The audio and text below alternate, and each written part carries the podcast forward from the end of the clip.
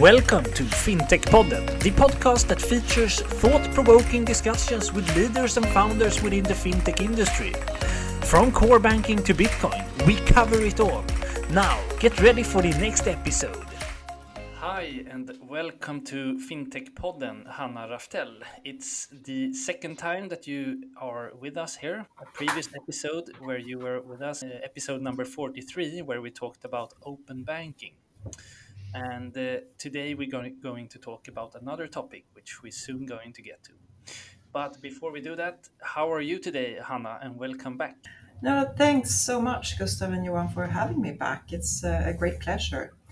Um, all well this end, and uh, must say the September has kicked off in a, the best of ways. Um, a lot has clearly happened since our last conversation, not least as I think the pandemic has really pushed the whole digitalization into a higher gear. And I feel extremely privileged to be at the forefront of development and having the ability to respond to the shifts in the current environment. It really is never a dull day. Um, I think the challenge is more to stay focused and to deliver and not get too carried away with uh, in just any direction. Yeah, it's, it's very nice to have you back. Um, and, and talking about what has happened since last, uh, are, are you at, uh, at uh, Fimento still working at home, or how, how, how has it been for you? No, we um, pretty much has carried on in our little uh, quarter office, and the, and the sort of we, we do come to the office and and uh, ride our bicycles to work, etc. So yeah, we'll, we'll manage to to pull it through, and and um, uh, obviously, we got the ability to work at home if, if um, necessary, but I must say it's rather crowded at home. and uh, the topic of today's uh, episode is sort of a follow up to our last episode. Uh, today, we're gonna, going to talk about vertical SaaS, or you can also call it embedded finance. Um, to start off, for those who are not familiar with this term, can you give us a, a short introduction? Sure. Uh, let me start off by quoting Angela Strange, who's a partner at A16 said, see, um, that every company will be a fintech company. Um, and then we can kind of go back and talk to how that would look like. I think a vertical SaaS solution will allow a non-financial company to sell financial solution to its client base. For example, we have Shopify or MindBody they started reselling financial services, uh, primarily payments to their customer base. But these companies are now embedding more financial products and offerings into their core offerings. Uh, and an interesting question is, uh, or what will become core for these businesses in the future? I think Shopify now derives approximately half of the revenues from financial services.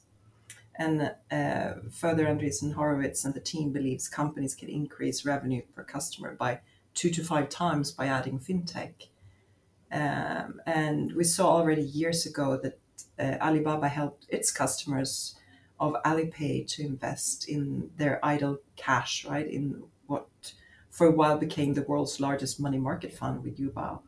And Alibaba uh, then went on to really create Ant Financial, and I believe it's actually the world's highest uh, valued fintech company today. Yeah, I would say it's uh, like a super interesting area and really where we will heading in the future now and we will see this merge between the traditional finance industry and all other industries that are very close by. And um, yeah so it will be super exciting to follow but what would you say is the different possibility that this uh, embedded finance will uh, bring to the table to the different players in the ecosystem? Well, I think every company uh, out there is, is, touched by financial services already, uh, as they charge the customers and they pay their bills um, and they allow for certain credit, etc. So the embedded finance, as such, as a concept, is not too far fetched. Um, and I think it clearly will allow for deeper relationships uh, with your customer and I think also allowing for incremental revenue streams to add some possibilities. Hmm. Yeah, and and uh, the the possibilities are, as you say, uh, great for for for many new players. And and but what are how, how should the, the incumbents or the existing financial players see this uh, as a possibility or as a threat? I think it's important to emphasize on what you just referred to as the financial ecosystem. Because uh, in an ecosystem, per definition, there is an interdependence. And as such, there are plenty of opportunities being created if you want to take part. Uh, and if you take the incumbent bank's role uh, as one of the large players in the ecosystem today, they will still um, do what they're good at and they will be able to continue to provide capital uh, and they are regulated and as such they can offer the necessary financial licenses required as well. Uh, so i think the banks will remain uh, financiers uh, for example due to the cost of capital. Um, and as you mentioned before shopify is maybe one of the biggest example of the, a non-financial player that entering this area and offering more and more integrated financial products. Um, do you think we will see more of this, like more banking-like capabilities uh, in non-traditional uh, finance companies? And uh, what type of functionality do you think we will see then? For sure. Uh, and there has been a lot of talk about financial wellness and democratizing the industry, but uh, little has really come out of it. And I think allowing non-financial players with their deep customer relationships and their sort of inherent customer user friendliness, uh, the area where the banks, uh, frankly, have failed, uh, I think there will be plenty of opportunities. Uh, the fintech companies uh, might have created more user friendly apps, but many are still struggling with customer acquisition. So I think embedded finance can be the real game changer where uh, marketplaces, for example, can provide factoring solutions, uh, where your favorite food store or food chain can integrate with wealth management products and services. I think there's still a knowledge gap about per- personal finance, and, and those with no interest at all is very unlikely to seek the advice through a traditional bank. So the and then if we go to the B2B market, it is equally interesting how uh, embedded uh, finance solutions can bring sort of credit scoring and AML KYC processes to ease onboarding and minimize credit risks and improve working capital between players, for example. Hmm. And, and you, as we talked about here, Shopify as an as a really good example of embedded using uh, use of embedded finance. But do we have uh, here in the Nordics? Do we have uh, some other examples of uh, players who who are at the forefront of um, what to say embedding finance in their services? Oh, that's a really good question. I don't know. Do you know one? Mm, I mean, I am totally working on it. yeah. uh, and I think with the Fimento technology will uh, hopefully allow for many more uh, non-financial companies in the Nordics to uh, provide more embedded finance into their servicing. Uh, but uh, and I think also noteworthy is how Amazon, for example, now offers small business credit through Marcus, right, by Goldman Sachs. Mm. so I think more collaboration between uh, and that, that's a good example between the co- collaboration between non-fintech and um, uh, banks in this case uh, or fintech companies, right? Um, I could maybe just add like one example I think is pretty cool, but that is like the ICA, the retail chain here in Sweden, how they have launched their, um, I think it's called ICA Spara, uh, where they have like integrated Tink technology, so you can aggregate all your finances into one interface, and then they try to kind of connect that to how much uh, CO2 emission you let out, for example, and also kind of related to how, what you buy in the stores and so on. So I think that this could be one uh, vertical where we'll see this type of non-fintech, uh, fintech collaboration happening a lot because uh, there's a lot of winnings in data sharing between those two industries, I think, and it really creates a new customer value. I think you're spot on with the data uh, as well. That uh, that will, uh, and I hope we come back to that later in the interview as well because I think it's a crucial point. Mm. Yeah. But if we if we try to if we talk about the drivers for non-fintech and non-finance companies to launch financial services. Uh, if, if we try to break down those drivers, what are the main drivers for those? Well, I think uh, it's a real chance to enhance customer experience uh, and really to focus here on solving clients' problems. Um, and effectively, it allows them to provide better solutions. And, and let me give you a couple of examples here. Take the airline industry we are into collecting, or at least used to be, uh, our points, right, for our preferred airline loyalty program. Mm-hmm. Uh, and the airlines recognized this very early on, and they've been adding credit cards and saw that as a way to tie the customers closer and also to earn incremental revenues. Um, I think uh, coming back to the marketplace, uh, take a marketplace for B2B customers um, who recognize the mismatch in payments. You can have large buyers squeezing smaller suppliers with 90 day payment. Uh, and to enhance the supplier's cash flow and working capital, the marketplace can easily add, for example, a factoring service. Um, and a bit connected to this, do you think we will see more and more like uh, local retailers here, like for example ICA and H&M? Do you think they will start to offer more banking-like functionalities, such as the airlines doing today, uh, by themselves, or do you think it will be through partnerships, uh, kind of like Klarna or American Express and so on? What do you, how do you feel uh, think the future will be here? I think it's absolutely plausible to see an ICA or H&M uh, offering more banking functions and solutions. Um, I think we are moving towards a best of breed solution where the best third party provider will win. Um, and if you divide fintech companies into different stages, um, uh, at one level you have kind of the plumbing, which uh, Fimento sits, and at another level you have experts in, for example, AML, KYC, or in payments, or in credit scoring, etc. Uh, so if a large retailer wants to add financial services, they can buy the fintech infrastructure off the shelf and then add to it the best of breed services through the integration or, or open APIs.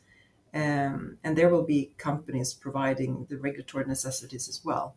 Yeah, I'm looking forward where, to this day when it becomes more integrated because like one super easy thing that I think it's missing from today is uh, how you cannot see your like current bank saldo when you are doing your online shopping, for example. I think it would be super easy for a retailer like H&M to actually like connect to your bank account and showcase how much money you actually have to spend in different places. Um, and that I think the fun- functionality is there already, but it's not fully integrated yet in the channels. Yeah, I think that's uh, absolutely right. And uh, take, for example, those with multiple credit cards and having no idea or way of tracking which card has run up to what and uh, which ones should be paid off first and uh, what different interest rates they're paying, etc., etc. That's a, a, major headache when it comes to payday, right? Yeah, yeah. And uh, as you mentioned in the beginning, the, the venture firm A16Z uh, has predicted that uh, companies that kind of entering this uh, or start to embed financial services uh, could see their um, revenue per user grow with two to five percent. Uh, do you agree with this statement? Uh, and have you already seen this happening with some of the clients, maybe, and so on? Mm. I think they said two to five times, uh, so it wasn't. Uh, oh yeah, sorry, uh, times, yeah. times. Yeah, absolutely. Um, yeah, no, I think this is, is, super interesting because I think it, it highlights the potential. Um, and I believe they calculated it based on market research and conversation with vertical SaaS companies um, and assuming a vertical SaaS company charging between 50 to 1000 US dollars per month for software, and assuming uh, sort of 200 per month is a commonly accepted price point. Uh, and most of the vertical markets spend another 500 to 1,500 dollars per month on software and services, which average then to thousand dollars per month uh, and that leaving then two to five times larger market opportunity when expanded out from just the software portion alone. And I think that sounds absolutely plausible and, and uh, uh super exciting for, for the non financial companies to consider. We have touched a little bit on this before, but the, the players involved in embedded finance today, who are those? Like, and what are their respective roles? For non-financial companies to include financial services, there are various players involved, I believe. Um, and as we talked about earlier, um, I believe you can sort of divide the players into different categories or layers, or we can talk about the financial stack. Uh, and imagine the stack having kind of four layers. Uh, first, or at the bottom, is the financial infrastructure layer, where, for example, the player like Visa, Mastercard are included. Um, and then the second layer on top of that would be more the core operating system. Uh, could be a company like Galileo. Uh, third, and the next stack um, is the banking as a service, the middleware, which provides APIs and integrations for acquiring, processing, and issuing. Uh, and then the fourth layer consists of um, uh, another sort of slight middleware where you have uh, the KYC AML experts, you have the credit engine or credit scoring experts, and the e-signing, authentication, etc.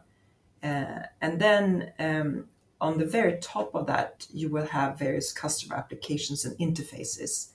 Um, and here I would say that Fimento sits on that third and fourth layer, uh, as we we are we are like the plumbing of the system. Yeah, interesting. If we jump over a little bit to, to what you at Fimento do within this area, at Fimento, your mission is to provide better digital financial services. So, how are you working with the vertical SaaS or embedded finance today?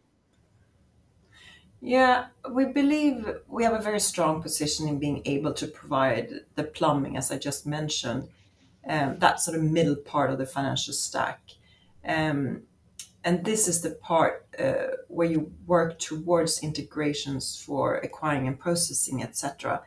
Um, that kind of m- moving towards the middleware where you can work together with a credit engine or uh, an expert in e-signing and, and create that more seamless process for, for we create the seamless process for our clients uh, rather than having to go out and, and uh, create that uh, infrastructure platform and then on top build all the relationship with the various providers. Um, um, and then uh, if we look a bit more concrete, like if you are a non-fintech company today, and want to move into offering embedded financial services. Uh, what do you think? Uh, where should a company like that start, and what do they need to have in place to start to look into this area? I think it's a great question. Uh, first of all, I think it is only your own imagination and your pre or misconception about the industry that stops you. So, a good starting point is to consider your own customers. What do they need, right? mm. uh, and what are they struggling with and if they do struggle with for example working capital financing payments um, uh, I, I, would recommend to, to contact the fintech players out there for the discussion so what we have done is we've started a number of hackathons with non-financial clients in order to be able to brainstorm and provide a proof of concept so allowing for half a day for brainstorming to understand the real issues or the problem at hand. And then we spend two to three days of developer time on both sides to provide a really well defined mini MVP, if you like. Um, and we find that this, at worst, is an amazing learning experience on both sides. Uh, and at the best, you planted a seed for your next big thing, right? Hmm. Hmm.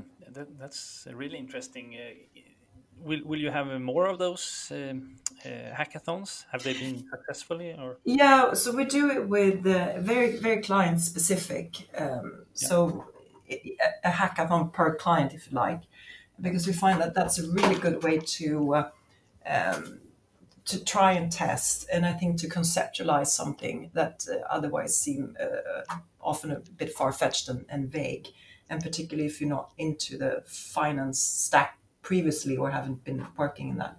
Uh, I think this is a really good way to uh, hmm. uh, to learn.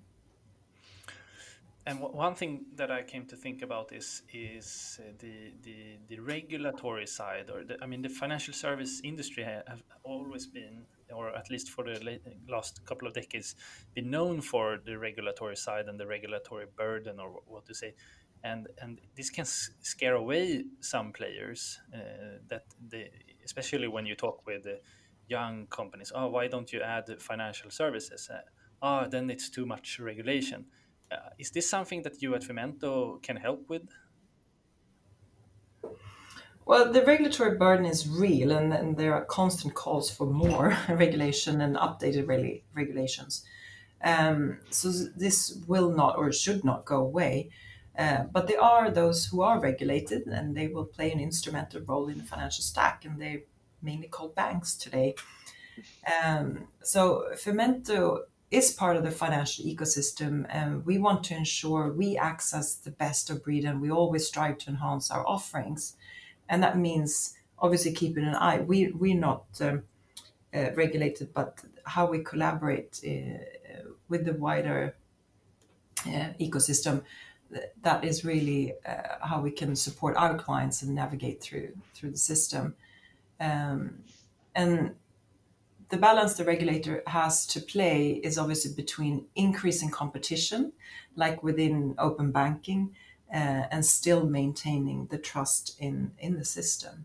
Um, and what would you say are the biggest uh, benefits uh, for a non-financial uh, player to collaborate with uh, a service provider such as Fimento instead of building or starting their own kind of financial banking divisions?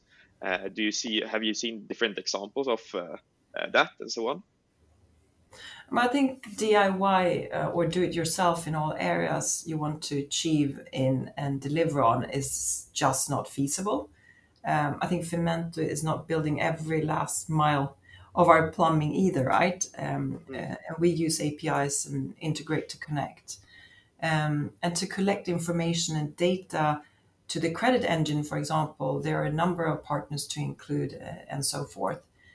To start a banking and finance division, you need to build a lot. So the question is whether your core lies uh, uh, and what you should spend your developer resources on, and for that matter, the rest of, of your company's resources. Um, hmm. I mean, not every uh, train company builds their own rail, right? It's As you mentioned before, uh, uh, I guess customers uh, uh, customers can use the Fimento platform to kind of this facilitate the data sharing between uh, different data sources, and especially if they want to have those financial elements. Uh, how could a non-traditional financial player use your platform to facilitate this type of new data sharing between different sources? I think there's two, um, with regards to data, I think there's two um, sides, uh, or, or, as we view it. One is um, helping customers use uh, the data through uh, data collection, for example, the, the open APIs that we can create with, when we look at the credit scoring, for example. Um, and there, there's a lot of information through other partner companies that we can use. Uh, the other one is, uh, as Kalle Ringqvist, um, one of our uh, co-founders of the platform, has pointed out um, uh, in, in, a nice talk he had with FinDeck in AI in commercial banking, where we discussed that um, the AI and the algorithms uh, are only as good as the data input in a way, right? And that is a lot of the struggle is around basic processes and how to extract the data. Um, so garbage in, garbage out, pretty much. Um, so what we really try to emphasize and, and work with our clients is to have the correct uh, processes in place already in the beginning. It's almost like it's an 80-20 rule that 80% sits in, in um, leading up to to the data output, and then it's how you store the data and how you use the data. That is the next sort of 20 the, the 20%. Hmm. Uh, but I think that that's where we encounter a lot of it. There's data that sits in different formats, in different places, etc., etc. uh, and that's where you have a lot of gain to have to by just structuring that. Mm. And I guess there's many other industries that can learn a bit from the finance industry when it comes to this open banking thinking that existed within the finance industry. That that type of thinking of data sharing and the customer data will come to other industries as well, and maybe financial players are very well positioned to help other players within this area. I think that's absolutely true, and that's been a really interesting learning from the hackathons, where we really can see that. Uh, clients uh, in other industries uh, do have a lot to, to take away from, from the whole data mining and that uh, the financial industry has been doing for, for a long time uh, beyond the usual metrics that they look at. Um, and also how they collaborate uh, within their industries between partners, uh, um, whether it's an old sort of an industrial company providing hardware and how they integrate and work with uh, more sort of applications and user-friendly applications, I suppose. So not too dissimilar to what we experience within uh, the finance industry. Hmm. And, and, likewise, you must have uh, learned uh, some things from them with the new ideas and and and the solutions that uh, they might think of to create with with uh, with embedded finance correct? absolutely correct. I think we all have a lot to learn from each other, and that's why it's so interesting when you um, cross pollinate between sectors. Um, and I think uh, one one thing that we uh, also looking at is you know we, we've been through a wave of globalization, and now it feels like the world has gone more localized again. Uh, but I think there's a lot to be had uh, opening up between sectors and, and collaborating that uh, hopefully will perhaps even redefine what we think of as more of a geopolitical globalization. Mm. Mm. Yeah, it will be really interesting to, to keep following you and the, the, the whole area within embedded finance.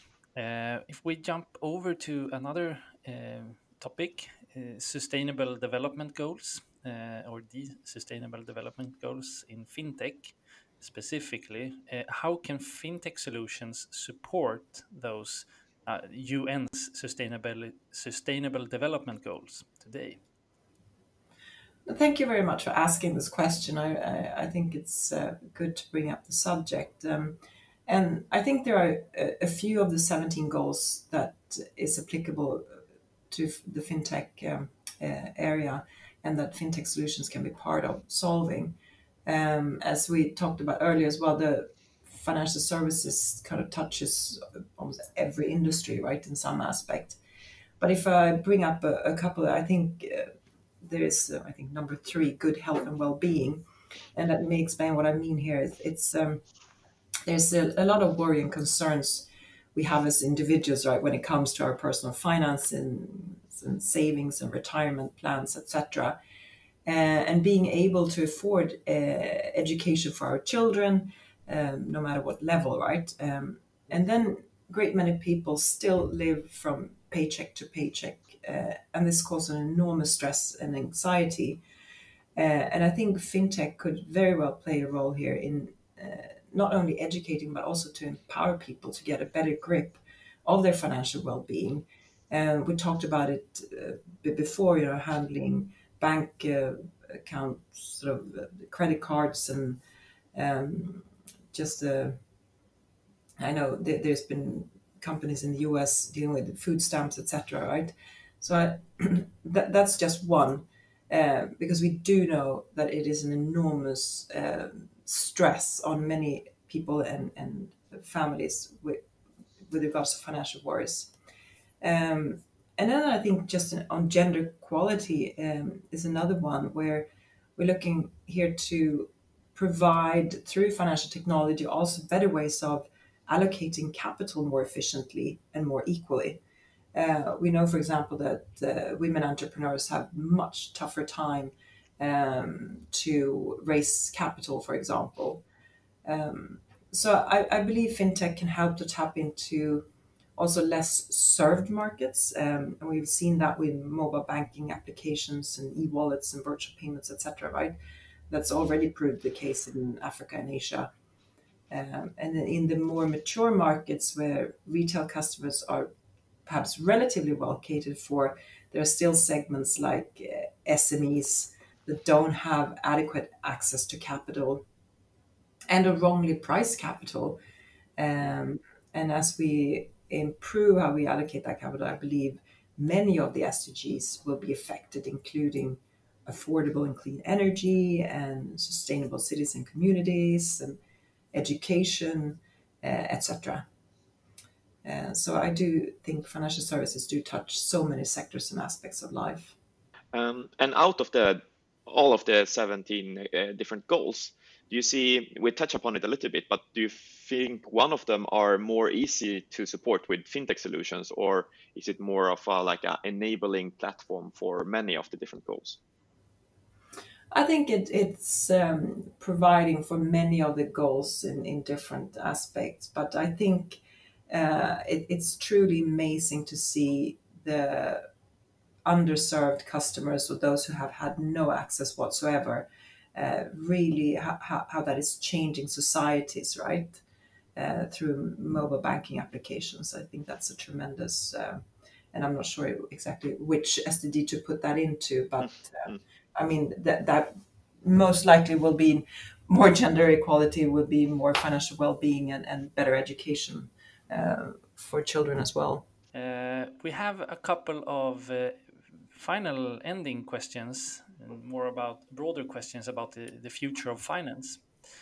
So, what, what non fintech companies do you find most likely to build the financial services, and what do they look like in tomorrow? I think marketplaces, um, we, we see a lot of marketplaces popping up, and, and it's a difference um, the, the, in, in this new world, right? And um, I think the marketplaces sits typically between a buyer and a seller, and there are transactions taking place at both ends. Um, but it, it really could apply to any company with strong customer relations. Um, and I think they all will benefit from adding fintech, uh, whether you're B2B or B2C. Uh, so right now we are working with a couple of companies on more complex invoicing, and it started with factoring, but as we looked more into the cases, we realized that the invoicing part was playing havoc and creating a lot of manual work. Uh, and I think this is also back to the point where you go back to the basic processes, and, and if you can help them fix that. Um, and it's sort of an adjacent um, uh, service or, or, feature, right, to, to being able to provide factoring in, in a smooth and efficient way as well.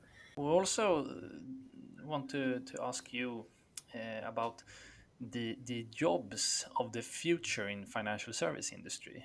Uh, how do you think that those will change? Yeah, to your point earlier, how uh, or your question about how do non-financial companies embark on this journey, uh, I think there's a need for education on the topic, hmm. uh, and I see developers and system architects, uh, for example, with an understanding of not just the programming side but also what to develop themselves versus where to collaborate. Um, so as much as uh, non-developers and, and, non-tech savvy probably has to move more towards that end. There's also the the other movement. Um, th- there will be so many more opportunities to leverage data um, to really serve your customers. But like all industries, the financial industry will be more digital, and um, uh, coming back to will it also become truly global? Uh, for example, will open banking, uh, opening a banking account in one country from your smartphone be easy or, or plausible because we know because of all sorts of regulations and, and all sorts of uh, fraudulent behavior, etc., that there are limits to what you can do cross border, right? Uh, and financial industry remains quite a localized business, and, and even the uh, large banks that claim to be truly global struggles with um, um, providing services cross border, right? Um, so, but there's no doubt that all these new technology and these trends will affect governments and central banks and, and their ways and means of, of controlling traditional uh, financial flows. Uh, so I think there's um, there's a lot happening to the financial industry in, in terms of job opportunities and, and what the job descriptions are going to look like. Yeah, and um, what recommendation would you uh, give to a non-traditional fintech player if they want to start looking into this area of embedded finance and so on? Where should they start to focus, and uh, who should they start to talk to? Well, I think there are plenty of uh, uh, fintech companies and fintech uh, associations, etc., that that uh, very keen to share their insights and um, and there's even larger consultancy firms, etc., that are also have some tremendous capacity of, of sharing knowledge. Um, and but many of the companies that we talk to directly, um, if if we look at specific um, services, they mention onboarding as a critical point.